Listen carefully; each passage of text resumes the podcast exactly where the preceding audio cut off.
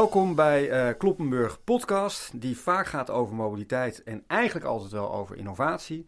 Vandaag hebben we te gast commercieel directeur uh, Hans Peters van de NS en voorheen werkzaam geweest bij Unilever. Welkom Hans. Um, eigenlijk onderwerp van de podcast voor mij was, maar misschien wil jij het heel erg anders over hebben, van hoe innoveer je nou binnen van die hele grote tenten als Unilever of uh, NS? En hoe verging jou dat? Hoe, de, hoe, hoe loopt dat binnen zo'n hele groot concern om daar als commercieel directeur nieuwe dingen van de grond te krijgen?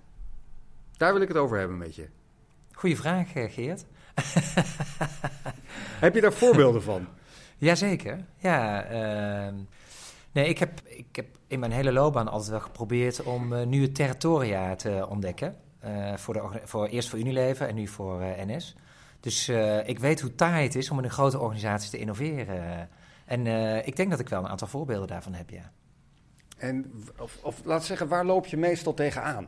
Even los van of je het voorbeeld meteen ingaat, maar waarvan zeg je, ja, dit zijn de standaard dingen die ik tegenkom als ik binnen een grote tent iets nieuws wil gaan doen? Ja, je hebt altijd met een aantal dilemma's te maken. Het eerste dilemma is dat je innovatie gaat vaak over uh, de opbrengsten op lange termijn. En uh, het is natuurlijk altijd verleidelijker in een commerciële organisatie, en dat beschouw ik NS ook nog steeds een commerciële organisatie, ja. om te gaan voor opbrengst op de korte termijn. Dus uh, dat is het eerste dilemma. Hè? Hoe zorg je ervoor dat je blijft vernieuwen op een manier die niet alleen maar morgen, maar ook overmorgen uh, relevant is? Het tweede is dat ja, je ontkomt er niet aan dat je als organisatie moet digitaliseren. En dan loop je op tegen allerlei legacy systemen.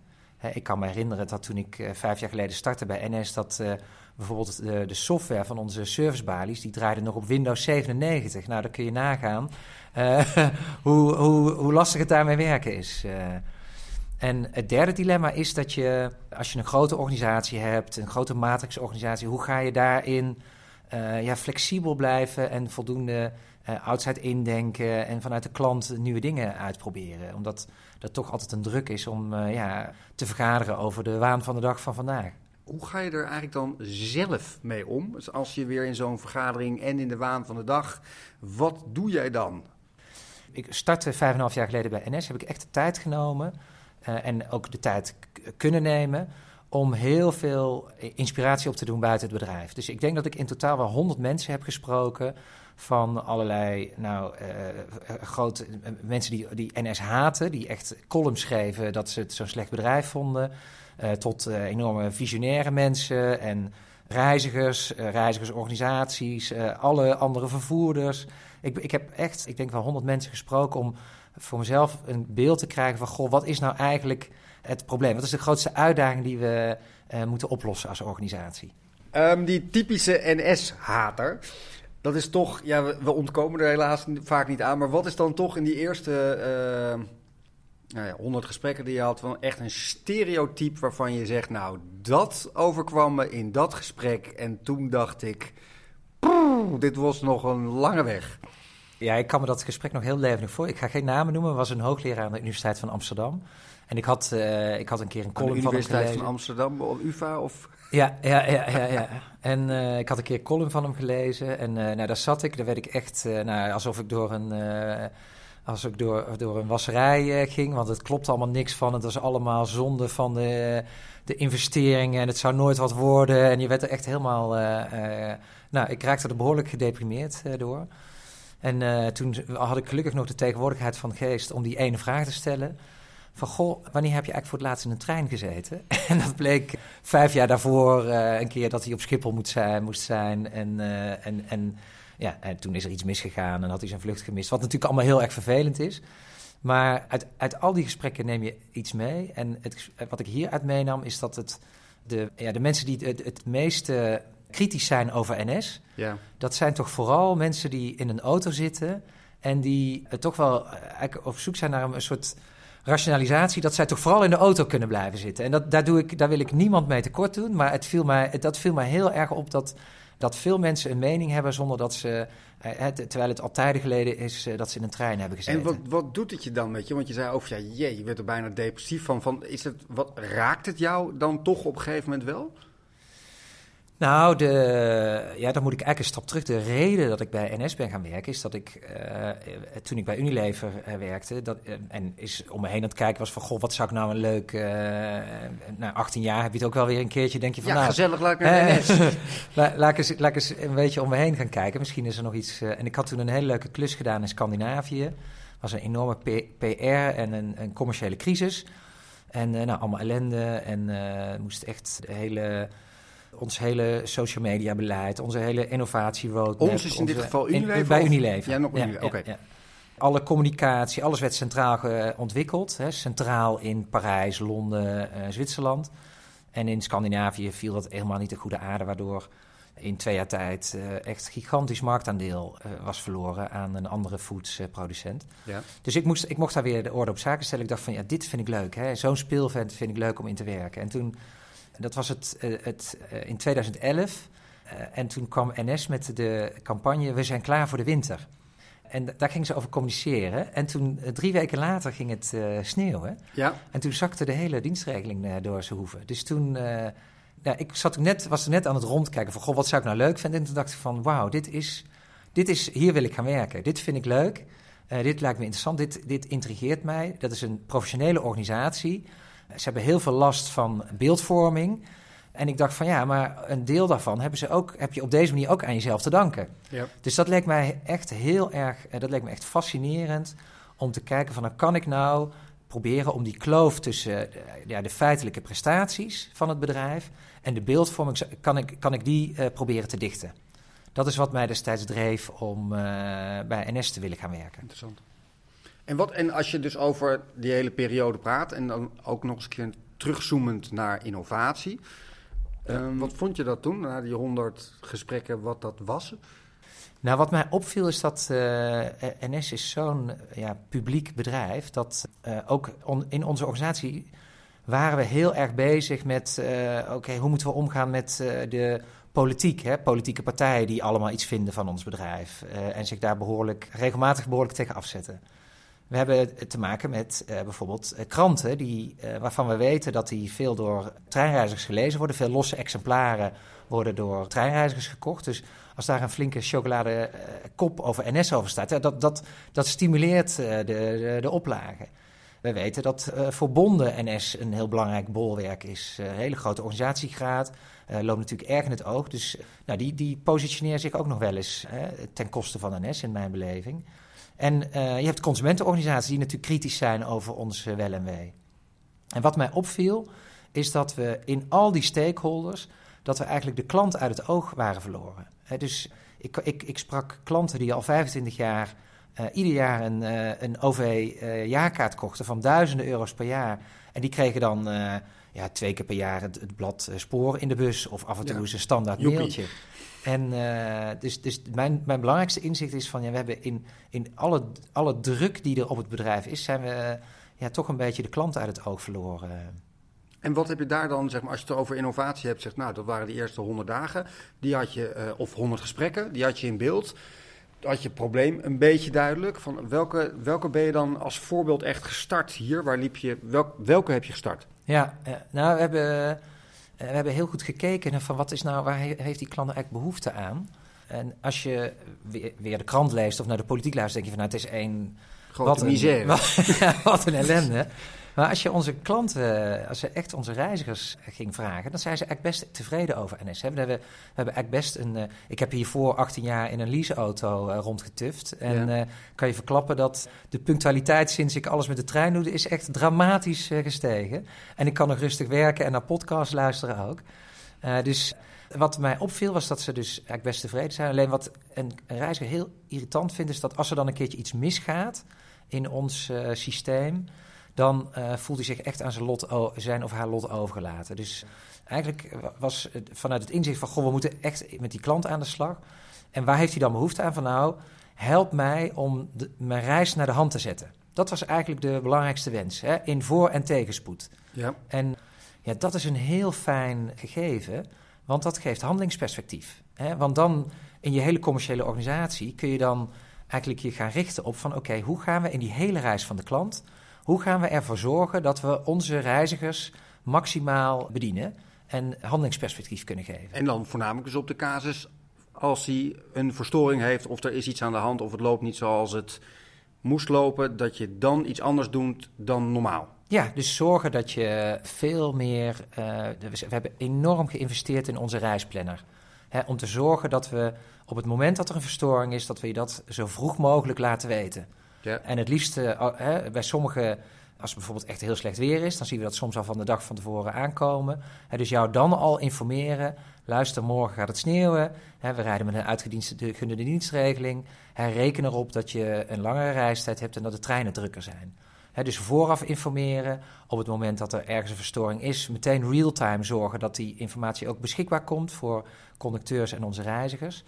En wat, wat heel erg wordt gewaardeerd, is dat we ook steeds beter in staat zijn om te voorspellen wat jouw zitplaatskans is in een trein. En waar loop je dan tegenaan? Want je zei, oké, dit is het probleem na die 100 gesprekken, dit is het probleem van de klant. En dan begon jij als commercieel directeur alleen maar tegen die reisplanner aan te bemoeien. En dan heb je ook het systeem zijnde gewoon de Titanic, de NS zelf. Zeg, ja, maar meneer Peters, wat bent u in vredesnaam aan het doen? Ja. Waarom bent u zich alleen maar tegen een reisplanner aan het aanbemoeien? Dus hoe lastig is het dan om dat ook echt van de grond te krijgen?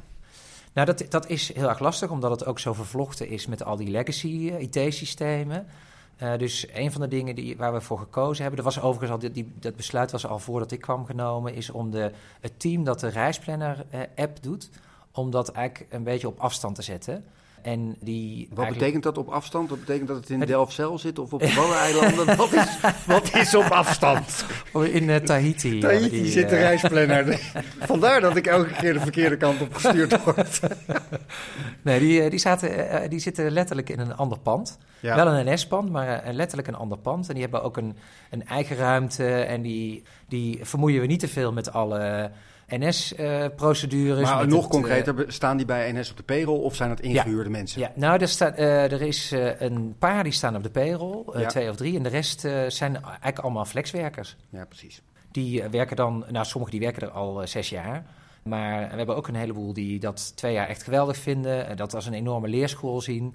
En, en dan weer doorgaan. We hebben eh, dan een, ja, dat heet een product owner, dus die, die is eigenlijk de baas van de reisplanner. Ja. Dat, dat team hebben we de, het M-lab genoemd, het uh, mobile lab. En ja, daar, daar hebben we echt een beetje een aparte, uh, ja, die hebben echt een, beetje een aparte cultuur gecultiveerd. Van nou, gaan jullie maar de boeren op, gaan jullie maar in de, in de wereld kijken wat de beste features zijn. En wat heb je nodig om die dan vervolgens toe te voegen aan onze eigen, eigen reisplanner. En waaraan kon je zien dat het dan uiteindelijk ook resultaat had bij de reizigers? Hoe kon je dat welbekende voor en na, dat je op een gegeven moment ziet, hé, hey, de klantwaardering hier voor deze nieuwe reisplanner, waaruit blijkt dat het enorm verbeterd is? je ziet natuurlijk de hele wereld uh, mobiel gaan. Uh, Dus nou, dat is een, een, eigenlijk de, de trend die we, dat was eigenlijk de, de wind die we in de rug hadden. En het leuke vind ik aan de manier waarop uh, we zijn gaan werken, is dat we gewoon in een beta-versie heel veel dingen uittesten. Er zijn altijd uh, honderden mensen die het leuk vinden om voor dingen voor NS uit te werken. Nou, dan als we denken van, nou, nu hebben we het voldoende doorgetest, uh, dan zetten we het uh, live voor alle hè, bij de eerstvolgende update.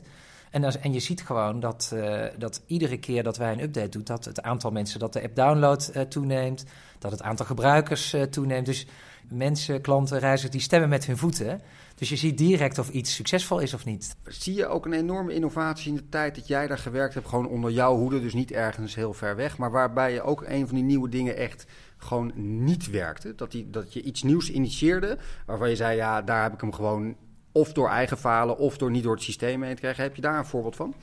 Ja, wat, wat ik uh, zelf wel leuk vind, is dat we eigenlijk steeds meer zijn gaan dingen gaan uitproberen. Dus dat dingen niet werken, dat is eigenlijk vrij logisch. Gewoon in een kleine testomgeving dingen beproeven en dan gaat het mis. Nou prima, daar kun je van leren.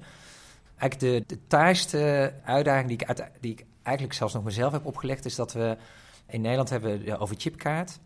Dat is eigenlijk een fantastisch systeem. We zijn het enige, wereldwijd het enige landelijke digitale OV-betaalsysteem...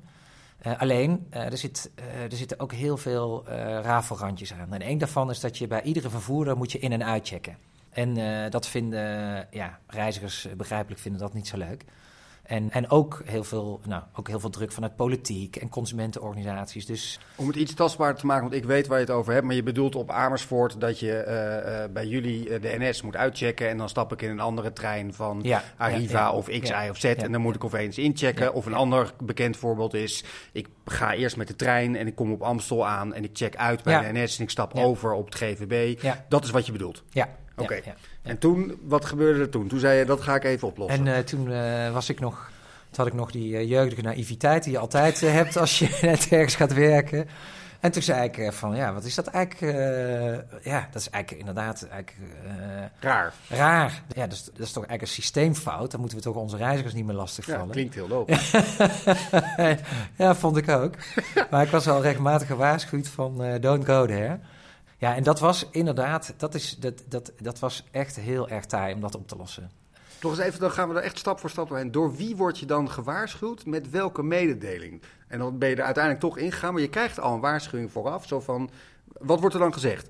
Nou, kijk, alles is, wordt natuurlijk altijd flink uitgekoud in de OV-sector. Dus er was al lang een, eh, een commissie eh, geweest, de commissie eh, Meidam. En die had dat al onderzocht en dat zou honderden miljoenen kosten. In, en, dus er was wel degelijk al behoorlijk wat onderzoek naar uitgevoerd. En ja, dat is een politieke keuze. We zijn steeds meer spoor en, en bussen aan het decentraliseren. Dus je krijgt gewoon steeds meer spelers. Dus het wordt steeds verwarrender. En om dat om, op te lossen, daar heb je een systeemsprong voor nodig. En dat kost uh, eh, 140 miljoen. dat was, dat, dat was de waarschuwing conclusie van het rapport. En toen ik net binnenkwam, werd, nou, werd mij nog even fijntjes... werd ik door dat rapport heen geholpen. Zo van, nou, zie je wel, dit, hier loop je tegenaan, hier loop je tegenaan. Succes ermee. Ja, succes ermee. En in een, ja, in een vlaag van overmoed heb ik is een keer in een... We hebben allemaal natuurlijk van die overleggremia... waar ook nou, overheden en uh, het, ministerie en uh, consumentenorganisaties zitten. Toen heb ik gezegd van, nou weet je wat, het staat nu al zo lang op de agenda. Ik Eigenlijk zou, we moeten het gewoon, we moeten het gewoon aangaan. We moeten gewoon, we moeten hier gewoon een oplossing voor gaan vinden, linksom of rechtsom. Uh. En wat heb je daaraan geprobeerd te doen dan? Het, het, moment dat je zoiets uitspreekt, dan is de eerstvolgende vraag van... oké, wanneer kunnen we dan een oplossing verwachten? dus vanaf dat moment ben je probleemeigenaar, zowel extern als intern. Ja, en ja, dan, dan ga je er toch maar eens echt nog eens goed in verdiepen. En uh, kijken van, god, wa, wat zijn nou echt de grote knelpunten? En is er dan toch niet een manier om... Laten we, nou eens, laten we het nou niet te groot maken. Laten we nou eens een lijntje nemen. Hè. In dit geval, je had het net over Amersfoort, de Valleilijn. Ja. Dat is overzichtelijk, dat is NS en Connection. Dat, daar moeten we toch wel... Laten we nou eens proberen om daar een oplossing voor te vinden. Ja.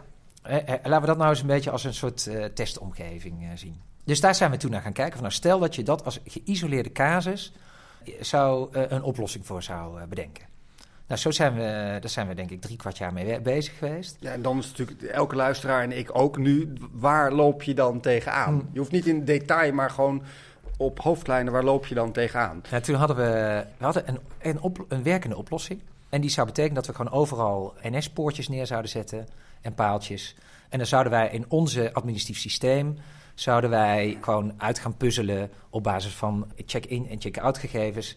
Uh, welke opbrengsten ons uh, zouden toekomen en welke aan Connection. Nou, dan kon je met tegenwoordig met uh, 98, 99 procent zekerheid kun je dat dan, die, kun je dat dan uitpuzzelen. ja. Dus dat was op zich was dat eigenlijk best een goed idee. Bij wijze van spreken, de reis is bij wijze van spreken een tientje geweest. Er gaat ja. 9 euro ja. of 8 euro gaat naar de NS en 2 euro gaat naar Connection. Of vice versa, doet er even niet toe, maar dat is dan een verdeelsleutel voor. Ja, en toen, dus dan denk je van, nou oké, okay, dat is prima. En toen kwam, toen kreeg, kwam NS in nogal turbulent vaarwater. Want toen was er een fraude met een aanbesteding in Limburg. En dan denk je van een aanbesteding in Limburg, wat heeft dat te maken met single check-in, check-out? En een van de uh, problemen die toen de autoriteit Consument en Markt, de ACM, constateerde, is van ja, NS die heeft zo'n dominante positie in Nederland, die moet uitkijken dat, we, dat, het, dat, er, dat er wel sprake is van een level playing field. Ja.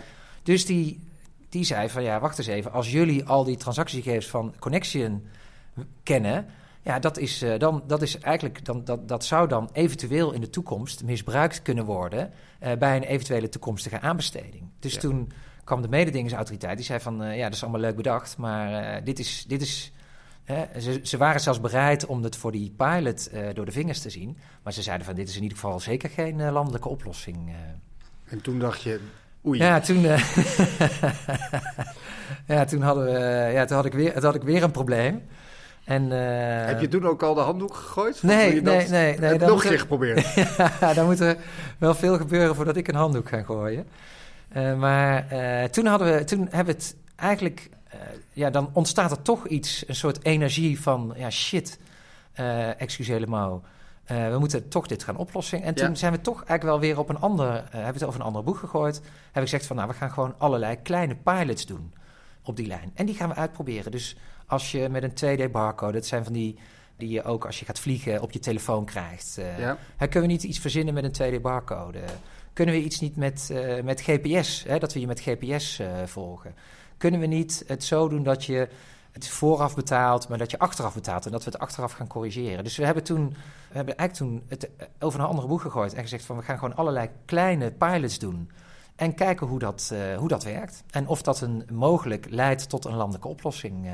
Nee, maar, maar uiteindelijk hebben we het zo kunnen regelen was het dat, die, dat wij niet meer die, die opbrengstverdeling hoeven te doen. En ook geen inzicht dan meer in hebben. Want dan... Alleen maar in het gedeelte wat uh, op, onze, op de reizigers op onze lijzen. Precies, dus eigenlijk wat je wil zeggen, klinkt bijna weer hetzelfde als je deed met de reisplanner, is dat je een derde partij, zijnde in dit geval coöperatie over chipkaart TLS, die gaan dat dan moeten gaan doen, zodat je dat probleem wat geopperd werd door de AFM, dat dat in ieder geval verholpen is. Ja, ja, ja het is de ACM, hè, dus ja, de uh, mededingingsautoriteit. Ja. En het, het verschil van die reisplanner, dat is, dat is wel echt een, een, een NS-dochter. Ja, daar kon je zelf op handen. En dus daar heb je, daar heb je zelf. En, en TLS is inderdaad de, uh, ja, een, een derde partij.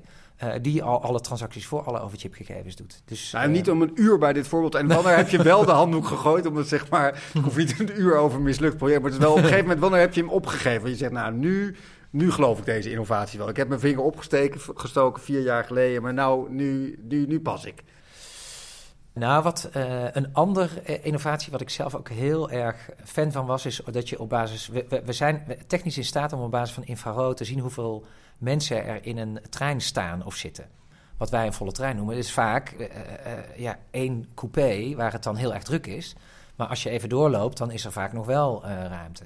Dus met die infrarood-technologie kun je dus zien waar de mensen zitten in de trein en of ze goed verdeeld zijn. Dus dat, daar hebben we ook wat testen mee gedaan. Dat, was, dat werkte echt geweldig. En dat was heel betrouwbaar en dat werd ook heel erg gewaardeerd. Alleen het punt is dat je dan in al onze treinen... moet je dan die infrarood uh, spullenboel gaan schroeven.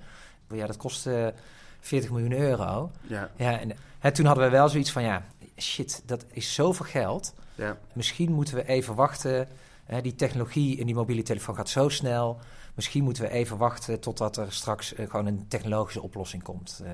Hè, je, je kunt je bijna niet voorstellen, maar 15 jaar geleden hebben we nog zelfs uh, van die PTT-telefoontoestellen in onze treinen geschroefd. Is dat en, 15 jaar geleden? Uh, ja, 15 of 20 jaar geleden.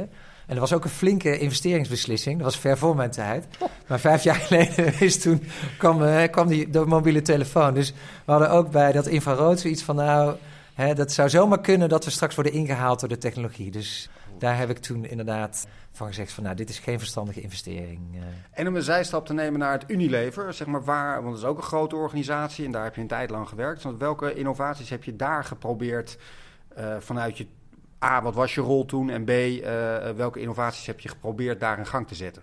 Ja, ik heb, ik denk twee voorbeelden die het, het meest bijstaan, is dat Unilever is heel erg groot in merkproducten in uh, categorieën die eigenlijk een beetje aan het einde van een uh, productlevenscyclus zitten.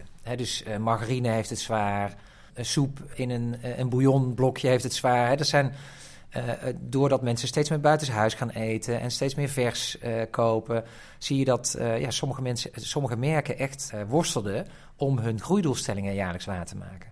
Dus ja, hoe logisch is het dan niet dat je met merken als Bertolli en Unox en Conimex ook de, de stap naar uh, vers uh, gaat maken. In plaats van naar de potje. Ja, ja, ja. He, dus uh, koelverse sandwiches met Bertolli, koelverse maaltijden met Unox, Conimex en Bertolli. Dus daar heb ik, nou toch wel een jaar of vier, heb ik me daar flink uh, moet hier voor de reclame wel heel veel merken uitgaan. Oh ja. maar maakt niet uit, ja, ga maar door. Ja, ja dus, uh, maar Nou ik weet niet of jij nu nog wel eens in de supermarkt komt, maar in ieder geval kun je nu constateren dat die merken in ieder geval niet meer in het verschap zitten. Nee, absoluut niet. die zitten nog steeds uh, vrolijk in, uh, in potjes en zakjes en, en kuipjes.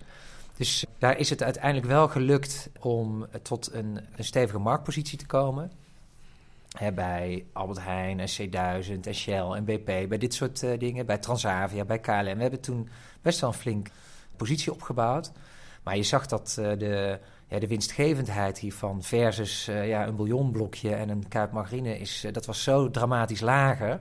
Dat je, ja, dat, maar probeer dat... iets duidelijker uit te leggen van je had het potje en je, ze zaten allemaal in het potje en ze wilden er een nieuw product van maken dat de Conimax zeg maar in een vers product ging. Ja, ja. Nee, dus we hadden... Gewoon een kant-en-klare maaltijd, zeg maar, bijna. Uh, ja, maar dan, dan probeerden we er wel een twist aan te geven. Dus dat was dan bijvoorbeeld, de eerste concepten was dat je een bakje rijst, een bakje groente, een bakje nou, uh, koolhydraten, en vlees of kip. gooide ik die, die En dan, hoefde je dat, dan had je dat in drie minuten uh, op uh, kon je dat wokken en dan had je dat in drie minuten op tafel. Ja. Maar wel alles vers en alles in één pakket.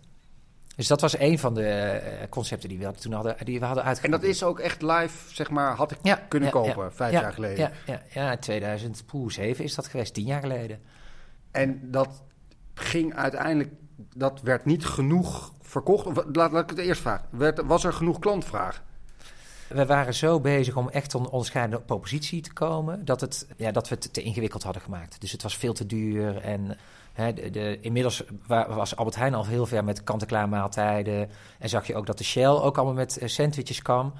Ja, wij kwamen dan met, uh, met zo'n assemblagepakket. Dus dat moest je dan zelf nog in elkaar zetten. Ja.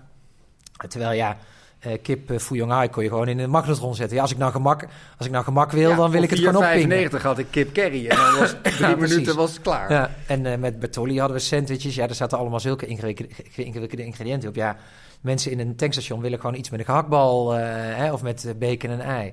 Ja, dus we, we, hadden het eerst, uh, eigenlijk, ja, het heet dan veel te niche uh, gepositioneerd. Dus het was te duur en het waren smaken die niet echt aansloten bij uh, ja, wat dan gebruikelijk was. Ja. Dus dat hebben we allemaal toen ge, helemaal opnieuw in elkaar geknutseld en ge, opnieuw gelanceerd. En, en zelfs bij nieuwe producenten en een hele nieuwe marketingmix. En dat, dat had inderdaad, we zagen echt dat die, dat die ja, proposities, die producten, die waren echt in staat om de markt te, te, te groeien. Er kwamen echt nieuwe consumenten die zeiden van nou, ik vind al die kleffe kant-en-klaar niks. Maar ja, van Bartoli vertrouw ik wel op dat dat dan wel echt wel iets extra's brengt. Dus ja, er was wel degelijk vraag naar, ja. En dan, uiteindelijk ging je op winstgevendheid, kreeg je niet van de grond. Nee, dan, uh, dan merk je dat uh, toen uh, op een gegeven moment toen brak die prijzenoorlog uit. En dan zie je dat, ja, dat de druk toch steeds meer komt op, ook op ja, winstgevendheid. En ja, dan heb je Soms heb je iemand in een raad van bestuur die dan er heel erg achter staat en zijn gewichten achter zet en die, het dan, die dat soort dingen dan sponsort tussen aanhalingstekens. Ja, dat, dat duurt dan twee, drie jaar en dan op een gegeven moment dan is, uh, ja, dan is het, uh, dan, dan, uh, is de, ja, dan, dan worden de, de, de teugels aangetrokken. En als je dat, want dat is dat welbekende voorbeeld wat je ook in het begin noemt van heb je lang genoeg de tijd. Heb je om de innovatie van de grond te krijgen. Is er een concurrent geweest die dit idee eigenlijk wel goed als innovatie uitgevoerd heeft? Wat het wel gehaald heeft qua winstgevendheid, uh, marktpositie? Ik denk dat wat uh, cruciaal is bij een innovatie, dat je zegt van wat is nou eigenlijk het probleem wat ik wil oplossen? En uh, vervolgens ga je daar producten voor ontwikkelen. Maar je moet wel de flexibiliteit houden om dan ja, te bewegen als je denkt van nee, we moeten toch op zoek naar een andere oplossing. Het antwoord op jouw vraag is: ja, er zijn heel veel concurrenten nu opgestaan. Alleen in een heel andere vorm. Niet in een, een bakje in een magnetronmaaltijd. Maar dat zijn uh, HelloFresh en uh, Picnic en Amazon, die nu in Amerika Whole Foods opkoopt. Hè. Dus je ziet dat een van de ideeën die we destijds al hadden is van: nou, wij moeten veel meer naar home delivery toe gaan. En ik, ik, ben ervan overtuigd dat als je op een gegeven moment zo'n strategie inzet en je gaat dan een aantal producten en je zorgt in ieder geval dat je er niet te veel op, dat je er niet, geen verlies op maakt, hè, dan ga je vanzelf wel op, zoek naar van waar is die klant en waar heeft die behoefte aan. Hè, dus ik, ik uh, pretendeer niet te zeggen dat ik uh, nu uh, Picnic naar de beurs had kunnen brengen onder het, het merk Unilever. Maar ik denk wel dat dat een slag is die Unilever gemist heeft, ja. En wat is jouw eigen rol in die innovaties? Waar ben jij dan zelf heel goed in om hem van de grond te krijgen? En waar zit jouw zwakkere kant als je echt iets nieuws wil er doorheen? Of het nou bij NS was of Unilever, maakt even niet voor de kaas niet zoveel uit. Ja, ik denk dat ik heel erg uh, goed ben om vanuit de ja, ontwikkeling in de markt en het uh, gedrag van consumenten de, de, stip aan de horizon te bepalen. Van nou, dit is waar we naartoe zouden moeten willen. En daar dan een strategie opbouwen. Ik denk dat ik goed ben om daar dan de juiste mensen voor te verzamelen. En dan vanaf dat moment uh, ze voldoende ruimte geven om te ondernemen. Uh, maar ook uh, ervoor staan als, als het nodig is. En als het misgaat of als, of als ze ergens tegenaan lopen. ik denk dat dat mijn kracht is. En het gedeelte wat er minder gaat? ik moet altijd doorvragen. Ja, ja, ja, ja. ja, dat weet ik niet. Ja, nee, dat heb ik niet. Ja, die is er eigenlijk niet. Nee. Nou, fijn. nee, ik ben, uh, ik ben niet goed in uh, uh, dingen echt... ja, je moet, zeker in een grote organisatie heb je ook gewoon bepaalde spelregels en processen en ja, stappen die je moet doorlopen. Je moet dingen wel goed structureren en dat, daar zit niet mijn kracht. dus zorgen dat je op het juiste moment ja, hè, bij de juiste mensen de juiste informatie uh, verstrekt. En uh, ik ben soms zo resultaatgericht dat ik daar dan uh, geen geduld voor heb. En dat je of de mensen niet informeert of de stappen gewoon overslaat? Ja, ja, ja. ja. En wat, ja. wat gebeurt er dan bij jouzelf? Word je driftig of laat je het gewoon? Of denk je nou, het zal maar wel en ik ga gewoon door? nou, wat ik ervan geleerd heb is dat ik me moet omringen met mensen die ook die, die kant van mij invullen want anders raak ik, eh, want dan, uh, ja, dan raak ik gefrustreerd en geïrriteerd van ja, waarom begrijpen ze het nou niet? En, en ik merk dat als ik iemand naast me heb die, gewoon, die wel heel goed is in dat structureren en goed die processen door, doorlopen, dat dat mij helpt en mij effectiever en succesvoller maakt. Maar dat dat ook helpt in een, in een grote organisatie om dingen gewoon voor elkaar te krijgen. Maar zou jouw advies dan zijn, zeg maar, als je wil innoveren bij die grotere tenten, dat je wat zou jouw belangrijkste advies dan? Toch naar buiten toe brengen? Dus het apart zetten? Ja, kijk, als er een uh, succesformule is, uh, Geert, dan uh, zou ik hier niet in een podcast met mij zitten. met jou zitten in dit ongelooflijk inspirerende kamertje. ja, ik denk dat. maar ik, ja, wat. Ik denk dat het belangrijkste is dat je wel een, een, bepaalde visie hebt van waar wil je naartoe. Ik denk dat dat heel belangrijk is en dat je dat, dat, heel, dat, je dat heel scherp voor ogen hebt. En vanaf dat moment is er niet één uh, toverformule. Je hebt gewoon een aantal dilemma's. Ga ik het zelf doen of ga ik, het, ga ik de bestaande organisatie eh, daar een transformatie in doen? Of ga ik juist een soort buitenboordmotortje installeren en die zeggen van ga je goddelijke gang en uh, succes, succes ermee. Ja. er is niet één succesformule. De, de enige constante factor is het wel vaak de mensen die uh, heel erg geloven in een bepaalde visie of uh, van waar het naartoe gaat. En, en die, als, als, als je mensen in hun kracht zet en die heel erg gepassioneerd zijn over iets en echt van nou, dit gaan we echt waarmaken, zoals ik ook in elkaar zit, dan ja, ik denk dat dat de belangrijkste ja, ingrediënt. ingrediënt is. Ja. En wat is nog de, de welbekende droom voor jou naar de toekomst toe? Want wat zou je nog echt donders graag willen? Of het nou even bij NS is of bij Unilever. Of waarvan je zegt, nou daar... Zoals je het had bij de NS, zeg maar. Ja, Gek gezegd, ja, ja, de, de, de, sneeuw viel. En dat je denkt, zijn er nog een paar dingen waarvan je zegt... Nou, de komende 10, 15 jaar, daar zou ik nog wel eens een keer mijn tanden in willen zetten? Ja, bij, uh, bij Unilever was dat geweest. Ik zie daar uh, een enorme potentie in vleesvervangers. Hè, de, ja, hoef jou niet uit te leggen dat, wat het beslag van vlees is op deze planeet. Alleen ja, de alternatieven die zijn vaak toch... Uh, nou ja, je hebt gelukkig steeds betere alternatieven... maar het is nog steeds allemaal... Nou, het houdt niet over. Ja. En ik denk dat een Unilever met het, de, de, de, de merken die ze hebben... De, ja, ik denk dat ze daar echt een, uh, ja, een enorme impact zouden kunnen maken. Uh, dus dat is als ik terugkijk naar Unilever. bij NS en nu in de... Ja, ja, dat klinkt een beetje klef... maar ik maak me ook wel een beetje zorgen over wat we onze planeet aandoen.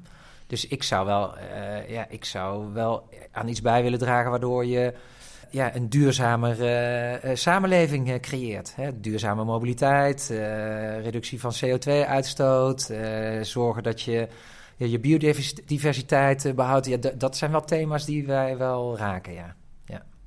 Wat betekent dat dan? Ja, ik snap wel duurzaam is, maar betekent dat dat in de zonnepanelen is, of in de elektrische auto's, of in de in de vleesvervangers, waar, waar ga je dan even die metafoor weer met die sneeuw en dat, dat NS waarvan je zegt, nee, daar gaat hij bij mij echt in zitten. Want daar zou ik hem, zou ik zelf graag nog volle bak in willen gaan.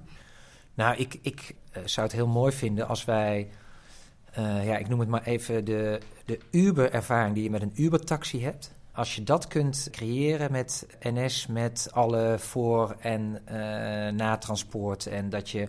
Ik sta nu hier in een. God, hoe heet het hier in Leiderdorp? De, de Oezel 13. Ja.